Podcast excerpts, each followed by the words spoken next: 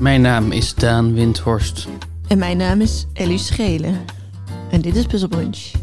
De podcast waarin een getrouwd stel elkaar probeert op te vrolijken met puzzels, quizjes en raadsels. En raadsels.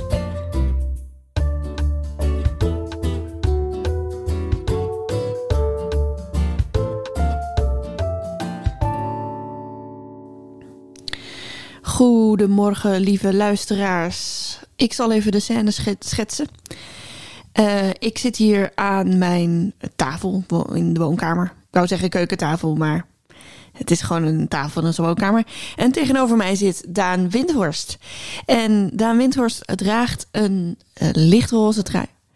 Met daarop de woorden radicale gezelligheid. Dat klopt. Dat is inderdaad. Dat heb je, heb je goed geschetst. Het beeld eh, van hoe ik hier zit. Ik zit hier in een roze trui. Jij zit in een beetje een blauwgroenig vestjurk ding. Van een soort van eh, sweater uh, fleece materiaal. Eh, met ook een capuchon. Dus als je je zo zou zien, dan zou je denken... hé, hey, dat is gewoon een trui. Maar het is ook een jurk. Ik heb hem gisteren weer als jurk gedragen, ja. Ja. Ja, hij is. Hij is, hij is eh, ik weet ook niet dus of hij is gemaakt als jurk of als lange trui. Tuniek trui. Ehm, maar eh, ja, gisteren met een donkere panty dacht kan wel.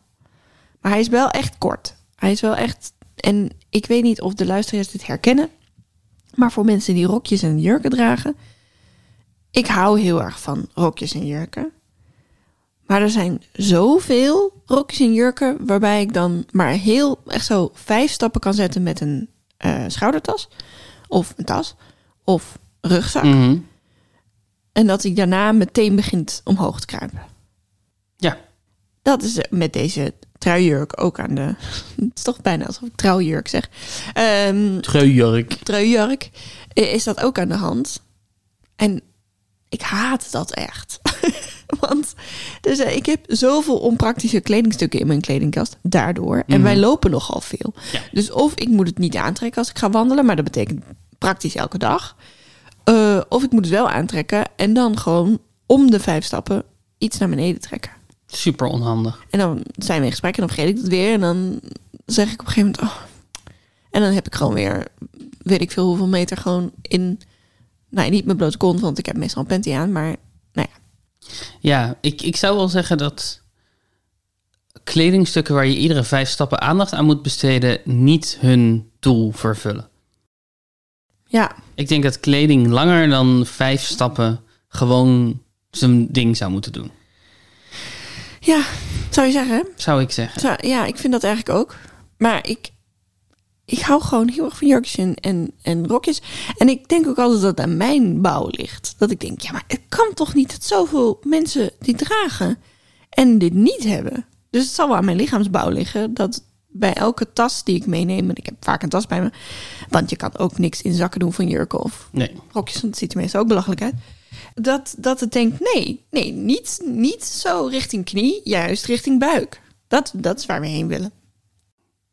Dat is waar we heen willen. Ja, ik, ik vind het ook een mysterie. Eh, ik herken dit natuurlijk niet, want ik draag eigenlijk vrijwel nooit rokjes. Ehm, maar ik kan, me- ja, ik kan me wel echt voorstellen dat het frustrerend is. Ja. Ja. Ik heb dit probleem nog niet opgelost. Dus als iemand anders een op- oplossing hiervoor heeft... Ik heb echt wel eens liggen dromen van... Misschien moet ik, moet ik gewichtjes erin naaien aan de onderkant of zo. Dat soort dingen. Maar ja, veel gedoe. Gewichtjes erin naaien aan de onderkant. Ja, I don't know. En dan doe ik een telefoon in mijn zak van zo'n jurk. En dan ziet het er ook niet uit. Want dan zie je zo'n telefoon. Maar dan blijft hij tenminste iets meer naar beneden. Maar ja. Ik wil nog wel even credit geven naar de trui. Ja, want ik wilde inderdaad vragen.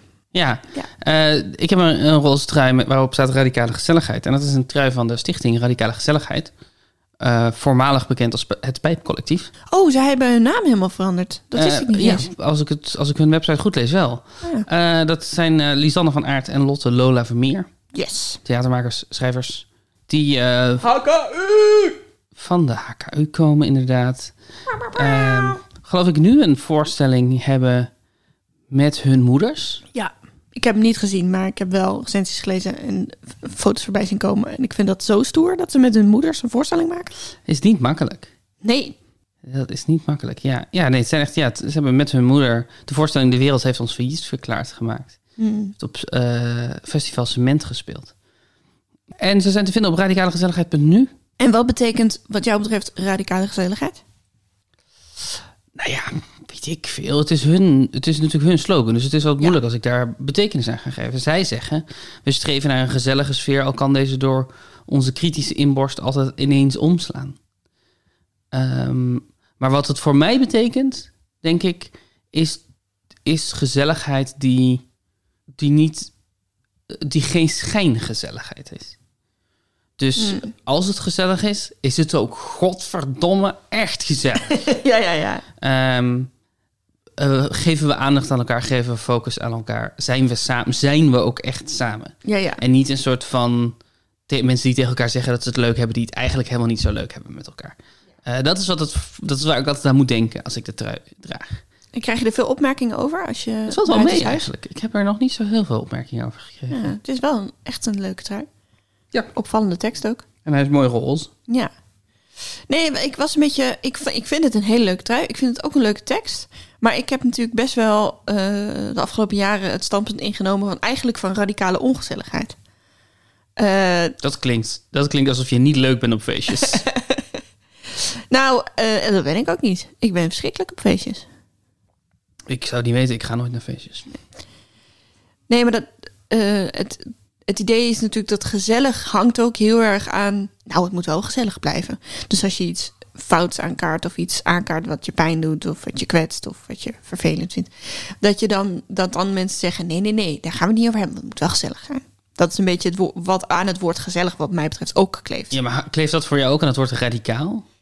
Nee, Ik bedoel, die houding die je omschrijft van wat ik inderdaad zou zeggen, schijngezelligheid Ja. en, en beleefdheid als, als eh, onderdrukkend juk. Eh, dat, dat zou ik nooit met radicaliteit of met radica en dus niet met radicale gezelligheid associëren. Dat is wat deze gezelligheid radicaal maakt, denk ik. Is dat het niet beleefdheid is, maar echte gezelligheid. Ja. Motherfuckers. en daar ben ik op zich ook wel voor. Goedemorgen, Daan. Hallo. Hallo, hallo. Ik dacht, ik pak het even anders aan. Ik doe net, ik speel radiopresentator. En hoe, hoe bevalt dat? Nou. hoe beviel dat? Nou, ik ging natuurlijk meteen mist in. Ik denk, oh, ik heb helemaal niet zo'n radiostem. En zo'n eh, overtuiging van waar ik heen ga met mijn zin. Dus ik voelde meteen wankel aan alle kanten. Aan alle kanten. Het nieuws van alle kanten. Het nieuws van Alicante? Ja. De, eh, Radio 1 heeft een podcast begonnen die Alicante heet. Oh, echt? Ja. Oh, wat goed. Ja, Oh, wat goed. gaan lean in. Ja, gewoon omarm de grap. Omarm de grap. Het nieuws van Alicante. Daan, ik kreeg een, eh, een mailtje van Floor. Met een idee voor een ronde. Dat is leuk. Dat is leuk, hè? Leuk dat je luistert, Floor. Leuk dat je iets mailt. Yes. Leuk dat je vaak de woorden schat speelt. Ook dat. Dat, dat vinden we leuk. En, eh, en nu dus een idee heb ingestuurd. Het gaat, zij, zij schrijft dat ze zelf veel podcasts aan het luisteren is, los van deze. Mhm. Eh, en dat ze stuiten op meerdere con-artists. Oh ja, ja, ja. ehm, dus eh, fraudeurs, zeg maar. ja, Sjoemelaars. Sjoemelaars. Ja. Ja. Oh, dol op con-artist. Ja. Dol op con-artist. En eh, het idee van de ronde is wonderkind of con-artist.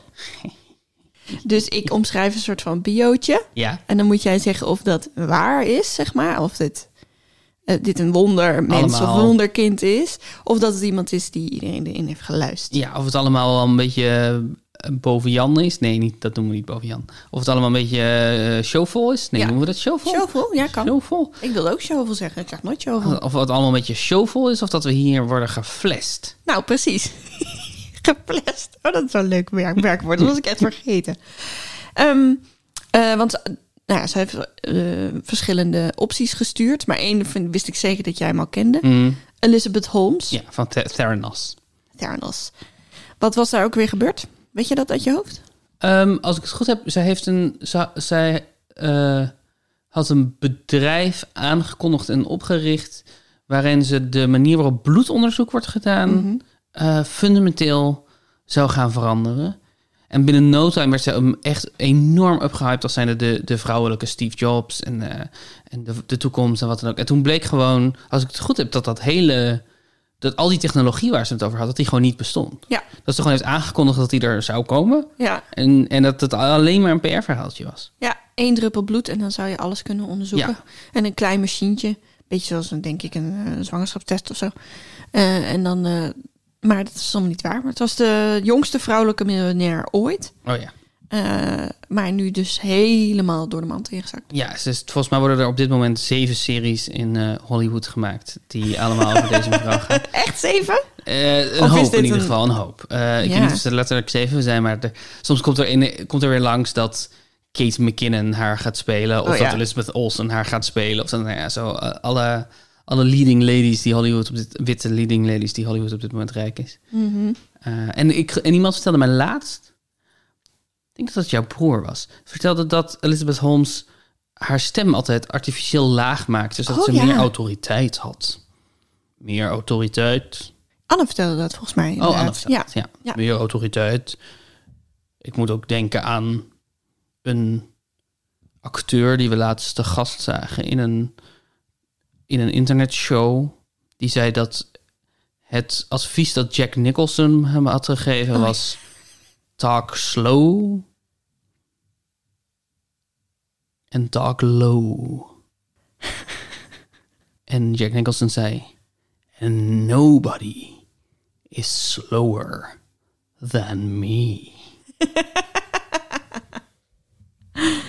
Ja, het is denk ik wel waar. Het is eh, laag praten, dat helpt je echt in het leven.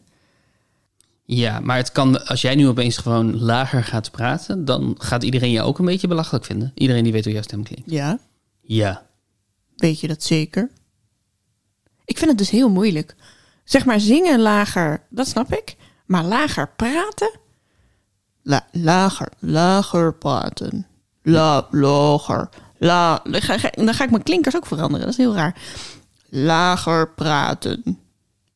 Ja, zo klink ik wel eens op een dag dat ik een kater heb. Ik weet niet of ik je nu meer autoriteit vind hebben. Nee, dit is echt belachelijk. Eh, ik zag ook laatst een TikTok van twee mannen die probeerden uit te leggen hoe, hoe je je stem lager krijgt, zodat je dan mannelijker overkomt. Hmm. Het is, het is raar dat mensen daar zo mee geobsedeerd zijn. Nou, ik, heb, ik merk steeds vaker dat als bijvoorbeeld als je in een gezelschap bent en een man met een lage stem of een persoon met een lage stem die zegt, nou, dan is iedereen stil. En dan kan hij heel lang nadenken over zijn antwoord. En dan gaat hij, eh, eh, en dan gaan we allemaal luisteren. Terwijl als iemand met een hoge stem zegt, eh, dan wordt er meteen overheen gepraat. Ja, ja, dat snap ik. Dat snap ik, omdat lage tonen verder rijken. Ja, en omdat we dat denk ik toch associëren met, oeh, nu komt er iets belangrijks. Ja, misschien. Ik heb nooit de behoefte gehad om een lagere stem te hebben. Ik heb wel natuurlijk ook een hekel aan mijn stem. Zoals denk ik iedereen die eh, veel dingen met, doet met opnemen en jezelf terugluisteren en zo. Ik vind je een hele mooie stem hebben. Ja, vind je niet dat ik een rare stem heb? Nee, ik vind jou een hele leuke stem hebben. Ik krijg, ik krijg dit compliment wel vaak van mensen. Dat, dat ze vinden, zeker als ik bijvoorbeeld dingen voorlees of presentatiedingen doe of zo, dat, dat ik een fijne stem heb om naar te luisteren. Maar ik, ik snap dat niet. Ik denk dat die mensen het allemaal fout hebben. Dit is de, het imposter syndroom van mijn stem. Het is een wonderkind of Con artist. een flestrekker. Ja, Won of kon. won of kon. Ja, top, leuk. Won of kon. Misschien zul je sommigen ook kennen. Misschien Waarschijnlijk. Hopelijk. Weet ik niet. James Arthur Hogue, geboren in 1959, is een wees die zichzelf heeft onderwezen met filosofieboeken, terwijl hij schapen hoedde en grootbracht in de Grand Canyon. Op 18-jarige leeftijd werd hij toegelaten op Princeton University zonder enig diploma. Hmm. Het klinkt ongeloofwaardig. Maar ik weet ook nog niet welke con dit zou zijn. Ik zeg dat dit won is. Kon, Ben ik erin getrapt? je bent erin getrapt. Ah, de- Ja, hij heeft dus eh, de Princeton University geflasht door te zeggen dat hij als wees was opgegroeid in de Oh. Grand Canyon en schapenhoeden en met filosofieboeken zichzelf had onderwezen. En dan geloofden ze. Ja, en hij had eh, ook een ident- identiteit daarvoor gestolen. Mhm. Dus een, een, eh, een identiteitskaart van een overleden wees. Jesus. Ja, het is echt heftig. En wat is er daarna gebeurd met eh, meneer Hook? Nou, het is echt een heel lang verhaal, want hij heeft nog een identiteit gestolen en hij heeft echt vijf, zes keer in de bak gezeten voor van alles en nog wat. En op een gegeven moment mocht hij dus naar Princeton University, maar toen zei hij dat hij het een jaar ging uitstellen. Want dan krijg je dus ook fun- funding, hè? Ja, Uh, dus hij heeft ook heel veel geld eh ermee verdiend. En toen zei hij dat hij een jaar ging uitstellen omdat zijn moeder zou overlijden. Alleen dat vind ik dus heel raar, want dan zeg je dus ik ben Hè? wees en vervolgens zeg Oh, je mijn moeder hè? gaat dood. Maar het was omdat hij een fiets had gestolen en daarvoor in de bak moest zitten. Zo, het is echt een heel lang verhaal. weird. Ja, maar echt da- een van de eh, bekendste con artists, apparently. Hook. Hogue. James Arthur Hogue. Ik zag laatst iemand lopen die eruit zag alsof hij thuisloos was. Ehm wist ik, weet ik natuurlijk niet zeker. Met een swapfiets. Ah, En toen dacht ik... Het kan natuurlijk gewoon zijn dat dit zijn eigen fiets is. En dat hij netjes een abonnement heeft op swapfiets. Waarbij die, wat is het? Dus, eh, Die dingen zijn best duur. 15 euro per maand overmaakt of Ja. zo. ja, want dat is eh, voor de mensen die dat niet weten, een swapfiets is een leenfiets. Ja, nou ja, het is Een een, abonnement, een abonnementfiets. Ja, Ja. precies. Het is een huurfiets. En het, voor, eh, het, het voordeel is dat je de service erachter krijgt. Dat als je, zo gauw je fiets een lekke band heeft of kapot is, kan je gewoon inruilen voor een andere swapfiets. Ja. Swap. Dat is er prettig aan. Het nadeel is dat, je, dat het een huurmodel is, dus dat je de hele tijd blijft betalen. En dat, ja, zeg als je, als je langer dan anderhalf jaar zo'n abonnement hebt, dat je goedkoper uit bent als je gewoon een fiets koopt. Ja. Eh, veel eh, studenten maken daar gebruik van.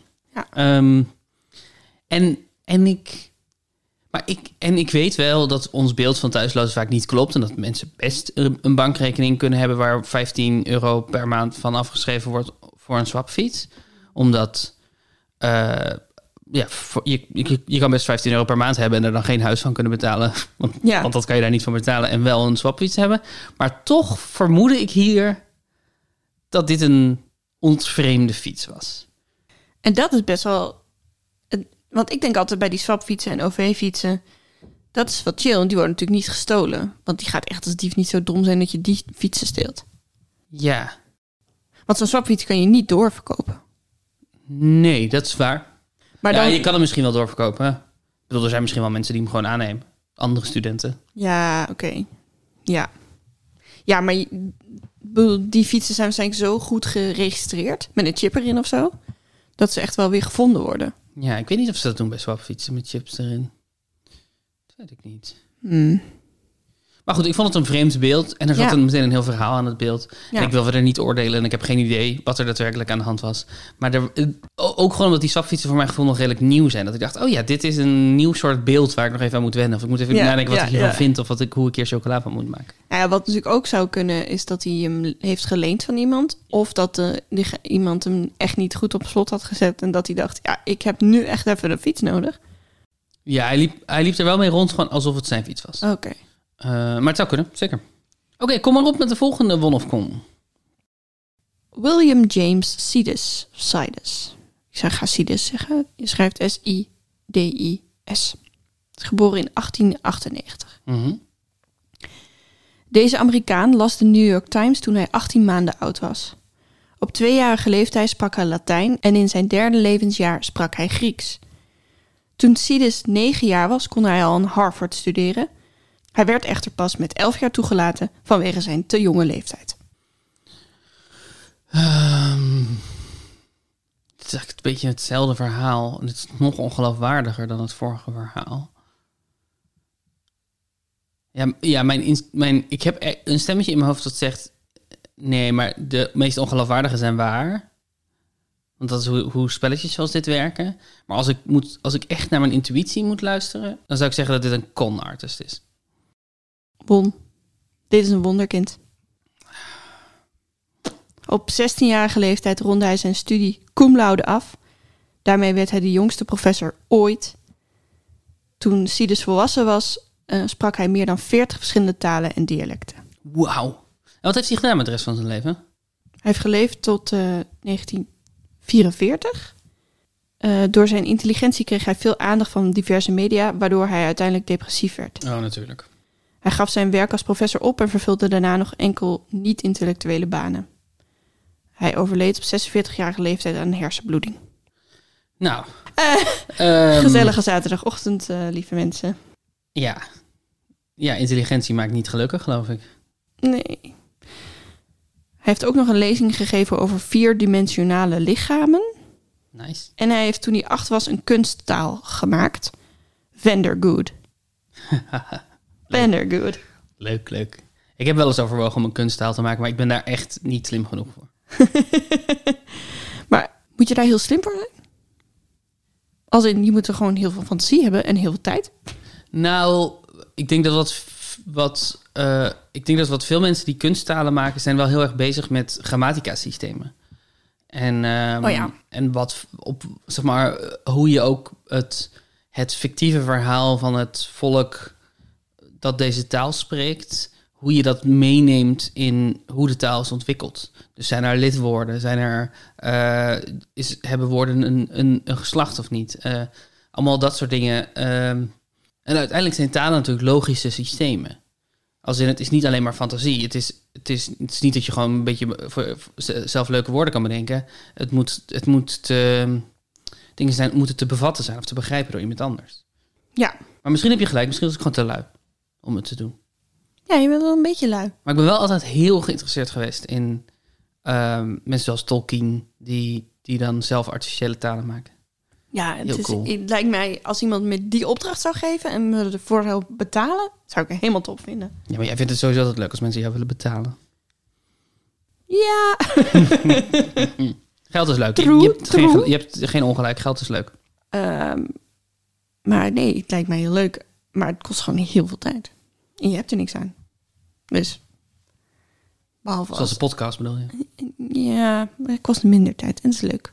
Ja, maar dat is ook, taal maken is ook leuk. Ja, maar dit kunnen we delen. Hey, Als je een taal maakt en die wordt nergens voor gebruikt, dan heb je het echt alleen voor jezelf gedaan. klopt. Why would you? Oké, Wan of Con. Richard Meinertshagen, maar het is een Brit, eh, uit 1878, was Brits militair officier, jager, ornitholoog, schrijver, zionist en spion. Hij werd onderscheiden met de Orde van Voorname Dienst en de Orde van het Britse Rijk. Hij verliet het leger in 1925 en wijdde zich aan zijn twee hobby's. Ornithologie, dat is dus vogelkunde, zeg maar Ja, vogels bespieden. en promotor van de eigen Joodse staat.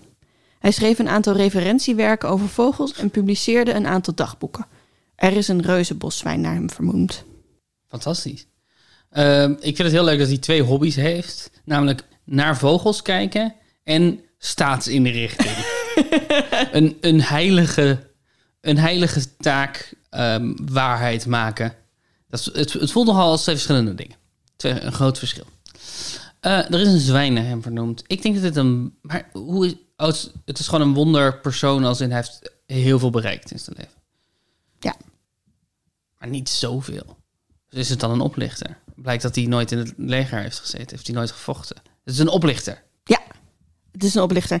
Deze was wel een beetje ingewikkeld hoor, maar ik vond hem te leuk om hem niet erbij te doen. Eh, hij overdreef gewoon heel veel. Mm. Dus de beschrijving van zijn daden in de veelgelezen dagboeken bevatten veel overdrijvingen, verdraaiingen en verzonnen avonturen. Oh ja, precies. Eh, recente studie heeft bijvoorbeeld uitgewezen dat hij zeker niet zoveel mensen heeft gedood als hij zelf beweerd heeft. En eh, hij liet een enorme collectie van eh vogelspecimens na, dus ik denk opgezette vogels, Mhm. die hij aan het British Museum naliet. Maar in 1993 bleek bij nader inzoek hiervan dat hij vele specimens uit diverse musea had ontvreemd en opnieuw had laten opzetten en als eigen vangst had liet doorgaan. Wauw. Ja, Dat is... Dat is, dat is bold move hè? Oeh. Maar goed, er is wel echt een, een boswijn naar hem vernoemd. Gewoon... Ik weet überhaupt niet hoe je opgezette vogels uit een museum steelt. En dan nog een keer laat En opzetten. dan nog een keer laat opzetten. Ja, ik heb ook. Ja, dat is 25.000 vogels. 25 Duitse vogels? Nee, duizend. Sorry. Duizend Duitse vogels? 25.000 Duitsers. Ja. 25.000 Duitsers. uit musea ontvreemd en opnieuw laten opzetten. Wat een man. Wat een man. Ja, hè? Waarom vinden we oplichtersverhalen leuk? Het zijn natuurlijk, eigenlijk zijn het gewoon verhalen over slechte mensen. Ja, maar er zit een soort boldness in dat je denkt: wauw, Ja. Dat je dat gewoon doet. Dat je gewoon gewetenloos en dan moet je toch de hele tijd in angst hebben geleefd van wanneer komt het uit, wanneer komt het uit. Ja. Dat, daar is iets fascinerends aan. Er is iets escapistisch aan mensen extreem egoïstisch, zich extreem egoïstisch zien gedragen. Ook al wil je, wil je dat niet, maar je zou wel willen dat je het zou willen of zo. Je zou iets, zo, zoiets. Zoiets is het. Ja, ik snap wat je zegt. Won of con. We spelen won of con. Is het volgende een won of een con? Hier komt die. Ali Dia uit 1965. Ali Dia is een Senegalese voetballer die na één invalbeurt bij een Engelse amateurclub werd opgepikt. En daarna speelde bij Paris Saint-Germain, Southampton en na een jaar al 13 interlands op zijn naam had staan. Ja, maar ja, hoe. bedoel. Je speelt wel echt bij een voetbalclub, toch? Als je na een jaar 13 interlands op je naam hebt staan, dat kan, niet, kan je niet allemaal gefaked hebben. Dus wat is dan het oplichtingsaspect eraan? Dat, dat hij misschien wel veel meer training had gehad. Dat hij niet. Ik denk dat dit een wonderkind is. Nee, het is allemaal gelogen. In november 96, enkele dagen na de invalbeurt bij die amateurclub, Ja. waar hij heel slecht voetbalde, tekende Dia opeens een contract bij de Premier League club Southampton. Dus dat is wel waar. Iemand van Southampton werd gebeld door iemand die zich voordeed als George Weah. Dat was toen een, eh, de wereldvoetballer van dat jaar, een Liberiaan. Mhm. Die man aan de telefoon, dat was een studiegenoot van Dia Ja. eigenlijk, die eh, eh, heeft Southampton ervan overtuigd dat ze zijn neef Ali Dia moeten aannemen. En heeft dus gelogen dat hij bij Paris Saint-Germain heeft gespeeld en 13 interlands op zijn naam had staan. Ah. Wauw. Eh. en dat werkte. De, trainer ging, de trainer ging akkoord en bood Dia één contract aan voor één maand, omdat de club destijds veel blessuregevallen had. En op de training zag eh, de trainer dat Dia weinig getalenteerd was. Hij zei daarover: iedereen die iets met voetbal te maken heeft, weet dat, al na, dat je al na vijf minuten kan zien of iemand kan voetballen of niet. Na de eerste vijf minuten op maandagochtend wisten we dat Ali niets voor ons was. Hij was hopeloos. Maar we hadden niet genoeg spelers om 8 tegen 8 te kunnen spelen. Dus we hielden hem een week bij ons. Hij is ook uitgeroepen tot de slechtste voetballer van de eeuw. Door Engeland of door de Times of zo. Voelt als een Ted Lasso plot. Ja. Ted Lasso die, die meteen ziet dat iemand zijn weg naar binnen heeft gelogen. En denkt, nou, laten we hem maar even aan het lijntje houden. Ja. Ja, dat, ik vind dit ook weer een heerlijk verhaal. Dat je echt denkt, oké, hoe kom ik bij Southampton binnen? Ik Ja. wil graag voetballen en je kan echt niet voetballen. En dat je dan... maar wat hier ook aantrekkelijk aan is, of wat, wat dit een leuk verhaal maakt, is ook dat de mensen bij Southampton echt dom waren. Ja, Als je wordt gebeld door iemand die zich voordoet als een voetballer en die zegt vanuit het niks, hey, je moet een contract geven aan mijn neef. I don't know, I don't know. Ik zou dat niet pikken. Ja, ze zaten in de financiële problemen. Ze hadden te weinig spelers. Eh, dat- maar het is nog steeds niet echt een excuus. En de, de aanvoerder van het team die dacht gewoon de hele tijd dat eh Ali Dia een prijs had gewonnen. En dat hij daarom de hele tijd bij de trainingen mocht zijn. Oh, Als een soort van ja, ja, gunst. ja. En toen, dacht, toen zag je hem zitten op het bankje bij, eh, bij de wedstrijd. Dacht hij, oh, nou dan mag ik daar ook helemaal zitten. Jeetje, wat een open. won of kon, we spelen won of kon. Erik Arboris. Of Erik van der Boom, dat is zijn eigen naam. Uit 1997. Hij sloeg een klas over op de basisschool. Deed de eerste vier jaar van het gymnasium in één jaar. Op 13-jarige leeftijd haalde hij aan het Stedelijk Gymnasium Schiedam zijn eindexamen en won met zijn profielwerkstuk over kwantummechanica, Entanglement and Bells in Inequality, de Wijnand Wijnenprijs 2011. Op dit moment is hij muziekproducer en heeft hij een contract bij Arman van Buren gekregen. Wonderkind. Ja, ken je hem? Nee. Nee. Maar ook hier zat ik weer te denken, ja, maar ja, al die jaren gymnasium die je dan in één jaar doet, Ja. dat moet je toch doen. Dan kan je jezelf niet naar binnen liegen. Nee, nee, je kan het natuurlijk gewoon vertellen aan iemand. Ja, net zoals deze zoals bij, ja. bij, bij de voetballer. Dit was hem alweer. Dit was hem. Ja, hoeveel punten heb je gehad? Twee. Dus ik sta nu op 122. Ik heb jou nog niet ingehaald. Nee. Ik, ik hoorde laatst... Ik heb de laatste podcast geluisterd, Half Vaxed. Ja, Half Vaxed. Eh, en dat gaat over een, ehm, over een 22-jarige bro in, ehm, Pennsylvania. Een bro? Een man bedoel je? Of... Ja, maar een... Ja, je hebt gelijk. Een man, maar een, een bro. Je zag wel, ik bedoel als ik een bro zeg, toch? Een, iemand met, met, eh, met, met 500 euro dure sneakers. En, eh, en, een, en de nieuwste iPhone. En dus een, eh, zo een gastje. Een rijk iemand? Een- Ja, maar een, een jong, opgeschoten, brutaal, lil kleine. Ja, ja. Maar noem je dat een bro? Nou, wel, je hebt wel in die, in die tech-hoek van, eh, weet je de Mark Zuckerbergs en zo. Allemaal van die, van die witte gastjes die zichzelf totaal overschatten. In dit geval dus iemand die in Philadelphia eh, binnen no time verantwoordelijk werd eh, voor de distributie van eh, COVID-vaccins Oh ja. omdat hij zijn weg helemaal naar binnen had geluld. zijn cv was, was gelogen. Eh, het was een totale chaos. En zijn, eh, zijn, zijn bedrijf hij wilde er vooral heel graag heel veel geld mee verdienen. Eh, het is echt, en het is een hele mooi gebouwde podcast... die ook nog echt een slim punt maakt over dit soort schandalen... en dit soort gedoe. Eh Half-Vexed heet hij.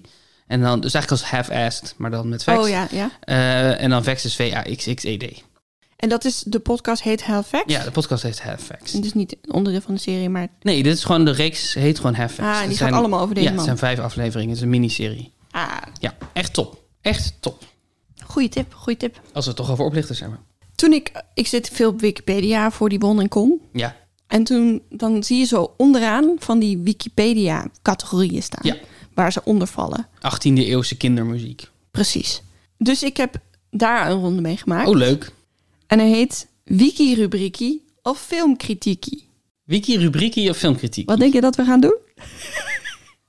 Ik moet kiezen. Is het een wiki-rubriek of is het een Netflix-categorie? Nee. Nee. Wat is het? Of is het een van de laagst scorende films op Rotten Tomatoes? Oh, wauw. Dus je hebt, je hebt wiki-rubrieken gevonden die klinken als een heel slecht film. Ja. Wauw. En films, heel slechte films gevonden die zouden kunnen klinken als een wiki-rubriek. Ik had nooit gedacht dat je dit aan elkaar zou kunnen koppelen. Ik, nou ja, het gaat nu blijken. Misschien is het wel allemaal super obvious. Dat zou best wel kunnen. Maar ik vond het te leuk. Ik had het bedacht en, en toen dacht ik, ja, ja, hiermee moet ik het doen. Maar ja, toen had ik wel een probleem natuurlijk. Maar goed, Ehm, Rotten Tomatoes heel even, eh, voor de mensen die dat niet kennen. Het werkt zo dat elke film die gerecenseerd wordt daar een plekje krijgt op die site. En eh, dat eh, de tomaat aangeeft met percentages hoeveel van die recensies positief waren. Ja, dus een positieve score op Rotten Tomatoes betekent niet dat je film per se heel goed is, Ja. maar dat meer recensenten hem het kijken waard vinden dan niet het kijken waard.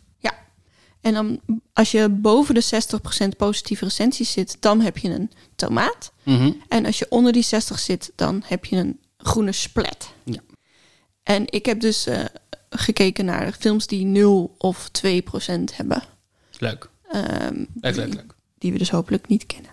Eén. Dus het is nooit een, een Wikipedia-artikel trouwens. Nee, het is echt een rubriek. Want al deze films hebben natuurlijk Ja. ook een Wikipedia-artikel, maar het is echt een, ru- een rubriek. inderdaad, Snap een ik. categorie. Wagons East. Het zit allemaal, of komt allemaal van de Engelse Wikipedia. Snap ik. Mag ik vragen hoe het geschreven is?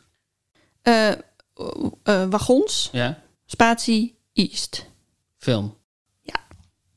Heel goed. Wat voor film is het? Ook nog met een uitroepteken Oh. achter. Maar ik dacht, ja, als ik dat zeg dan... Wagons East! Een film uit 1994. 0%. En ja, het gaat over... Het is een soort western. Hmm, Het gaat over een trein in een soort cowboylandschap. klinkt wel leuk. Ja. Nou, het gaat waarschijnlijk niet over die trein, maar daarom heet het Wagons East. Een film over een trein. Ik heb verder niet heel veel research gedaan naar de films. Dus Oké, eh, oké, oké. ik kan ze wel Ik opzoeken. zal bij iedere film vragen waar die over gaat. Oh, top. Hm. Wat ben je toch, ben je toch een lieve man. Hmm. Ben je toch, wat ben je toch Je gewoon heel nieuwsgierig. Daan, Ja. wiki-rubriekie of filmkritiekie? Wiki rubriekie of filmkritiekie? Baby Geniuses. Baby Geniuses. Dit is een goeie. Dit kan het echt allebei zijn. Dat is leuk. Film. Ja. Je hebt ook nog Baby Geniuses 2. Die, die heeft echt een 0% rating. Maar ik dacht, ja, dan heb je hem ook al door. Ja. Eh, deze heeft een 2% rating uit 1999. Over hele slimme baby's. Hele slimme baby's. De Eigenlijk waar, je vorige- waar jouw vorige ronde over ging. Ja, ja, precies. En het is niet eens hoe, hoe ik er kwam. Oké. Drie. Hm. Rebels by Century. Rebels by Century. Ja, het zou een heel goede filmtitel zijn, maar ik denk toch dat het een Wiki Lemmet is. Dat klopt. Lemmet? Lemmet. Lemmet? Ja, ik denk wel dat je dat kan zeggen. Of wacht, nee, lemmet is op een mes. Ja. Maar er is wel Welk zo... woord zoek ik dan? Ja. Lemma. Lemma. Lemma. Lemma. Ik denk dat dit een Wiki Lemma is. Ja, dat klopt. Had ik hem al Rebels opgeschreven. by Century. Echt een goede titel. Ja, het zou een goede titel Ja. zijn, hè? Ik vind het zo heerlijk, die categorieën. Ik heb er ook nog heel veel opgeschreven, maar het is heel duidelijk dat dat geen films zijn. Dus die ga ik zo meteen Leuk. je geven. Maar Leuk, leuk, leuk. ehm, per eeuw welke rebellen er allemaal waren. Vier.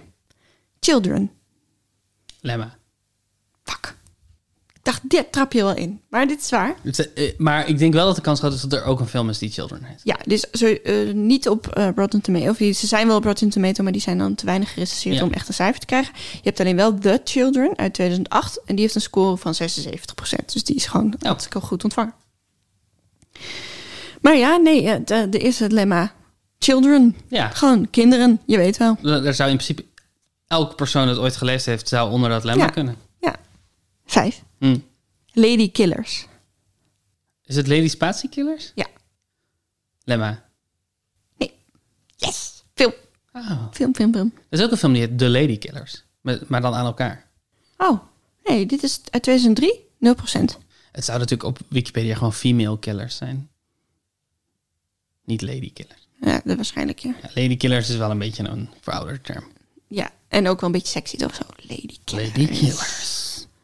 Ja, maar Wikipedia mag wel sexy zijn. Er is niks mis met een beetje een sexy wiki. Zes. Women inventors. Ja, dit is een lemma. Ja.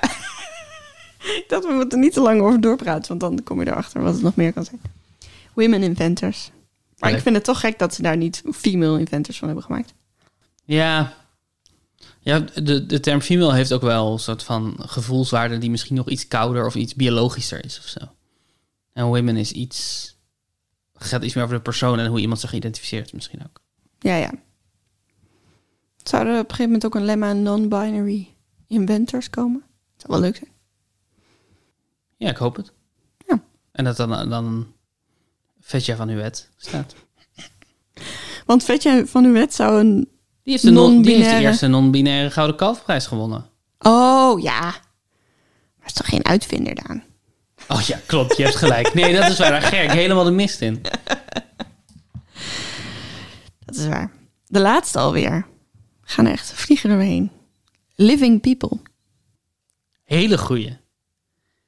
Ik denk een lemma. Ja. Ja, dat vind ik de leukste. Dat- Dat was waarom ik dacht, ik moet deze ronde maken. Living People. Wat de fuck hè? betekent dat? Nou, mensen die nu leven. Dus dat is, een, eh, dat, moet, dat is een lemma wat je steeds moet, af, moet aanpassen. Steeds moet veranderen. Iedere keer als er iemand in het nieuws komt dat iemand is overleden. We staan nu gelijk, Ellie. Echt? Ja.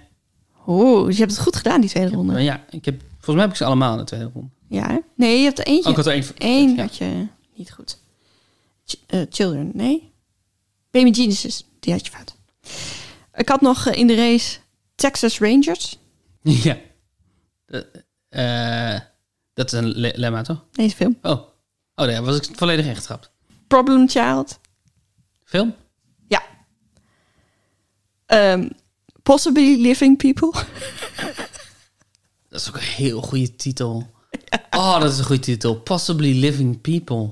Oh, prachtig. Dat is een lemma. Ja. Eh, Non-existent People. Ook een lemma. En eh, ja, de- deze vond ik gewoon leuk om voor te lezen. American People of Danish Descent. Dat soort lemma's heb Ja. je ook in overvloed. People who, whose existence is disputed. Het zijn allemaal verschillende categorieën dus. Hè? Possibly living people, non-existent people, people whose existence are disputed. Lists of living people. Living people on English wiki who are dead on other wikis. Ik moet, eh, ik, waar ik meteen aan moet denken is dat ik het boek heb gelezen A Place for Everything Ja. van Judith Flanders. En dat is een, ehm, een non-fictie geschiedenis van eh, dingen op alfabetische volgorde zetten. Van het alfabetiseren, zeg maar. Mhm. En eh, het is heel interessant om te zien hoe lang het ons heeft geduurd voordat we erachter komen dat dingen op alfabet zetten een heel, ehm, hoe zeg je dat? Een heel inhoudsonafhankelijke manier is om dingen te ordenen. Omdat dus heel lang hebben ze, wilden ze in bibliotheken en zo dingen juist categoriseren ehm, op inhoud. En wilden ze ook dat, die, dat de inhoud een hiërarchie in zich heeft. Mhm. Dus je moet als je boeken eh, gaat eh, indexeren, altijd beginnen, beginnen met de Bijbel. Want de Bijbel Ja. is het belangrijkste. Ja, ja. En ook als ze het hebben over de wetenschappen, dan beginnen ze met wat, voor, wat, wat hun betreft voor, voor God de belangrijkste wetenschappen zijn. En mensen hebben zich heel lang verzet tegen het idee van alfa, op dingen op alfabet ordenen, omdat dat een willekeurige eh, volgorde is. Ja. Maar eigenlijk met de komst van het modernisme en de dood van God is dat een heel logisch, is dat natuurlijk nu een heel logische volgorde, omdat we, omdat iedere ehm, hiërarchie die we aanbrengen is te bevragen. ja. En de het alfabet is dat op een bepaalde manier niet. Maar heel veel in het boek gaat ook over wat voor categorieën maak je. En dan kom je de hele tijd achter dat het soort categorieën dat we maken eh, heel veel zegt over hoe we naar de wereld kijken. En ik denk dat je dat aan Wikipedia ook ziet. Ja. En Wikipedia heeft nog het voor, voordeel dat omdat het digitaal is, dat dingen in meerdere eh, bakken tegelijkertijd kunnen zitten. Dus Ja. iemand kan inderdaad in living person zitten of living people en in inventor en in Children. ja, children, precies.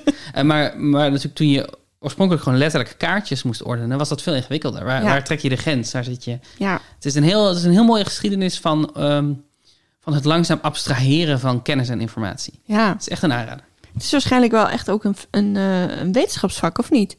Zeg maar een, eh, een vakgebied.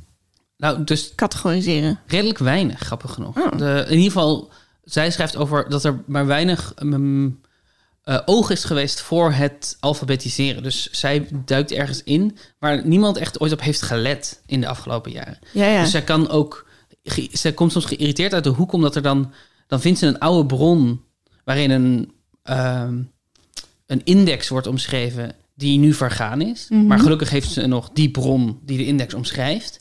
Maar de bron zegt dan niet of het op alfabet was georganiseerd of niet. ah ja. Weet je, dus, dus zij heeft de juiste frustratie van het feit dat heel weinig mensen hiermee bezig zijn. Hmm. Maar ik denk wel dat op dit moment, in ieder geval informatie structureren, wordt natuurlijk steeds belangrijker naarmate we meer informatie hebben. Daar zullen vast een hele hoop heel slimme mensen zich heel erg veel mee bezighouden. Ja.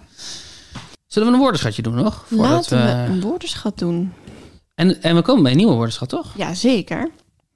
En dat is de woordenschat van Copperfield. Een nieuwe woordenschat, mensen. Dus wat we doen is, eh, het is een, een fictieve of een denkbeeldige, nou, een virtuele speurtocht. Ja. Die eindigt op een locatie. En op die locatie hebben wij dan een, een denkbeeldige schat begraven. Ja. En als je alle hints eh, hebt, dan weet je waar die schat is. En dan kan je dat invullen op puzzelbrins.nl slash ik weet het. Eh, en dan belonen we je met een prijsje als je het goed hebt.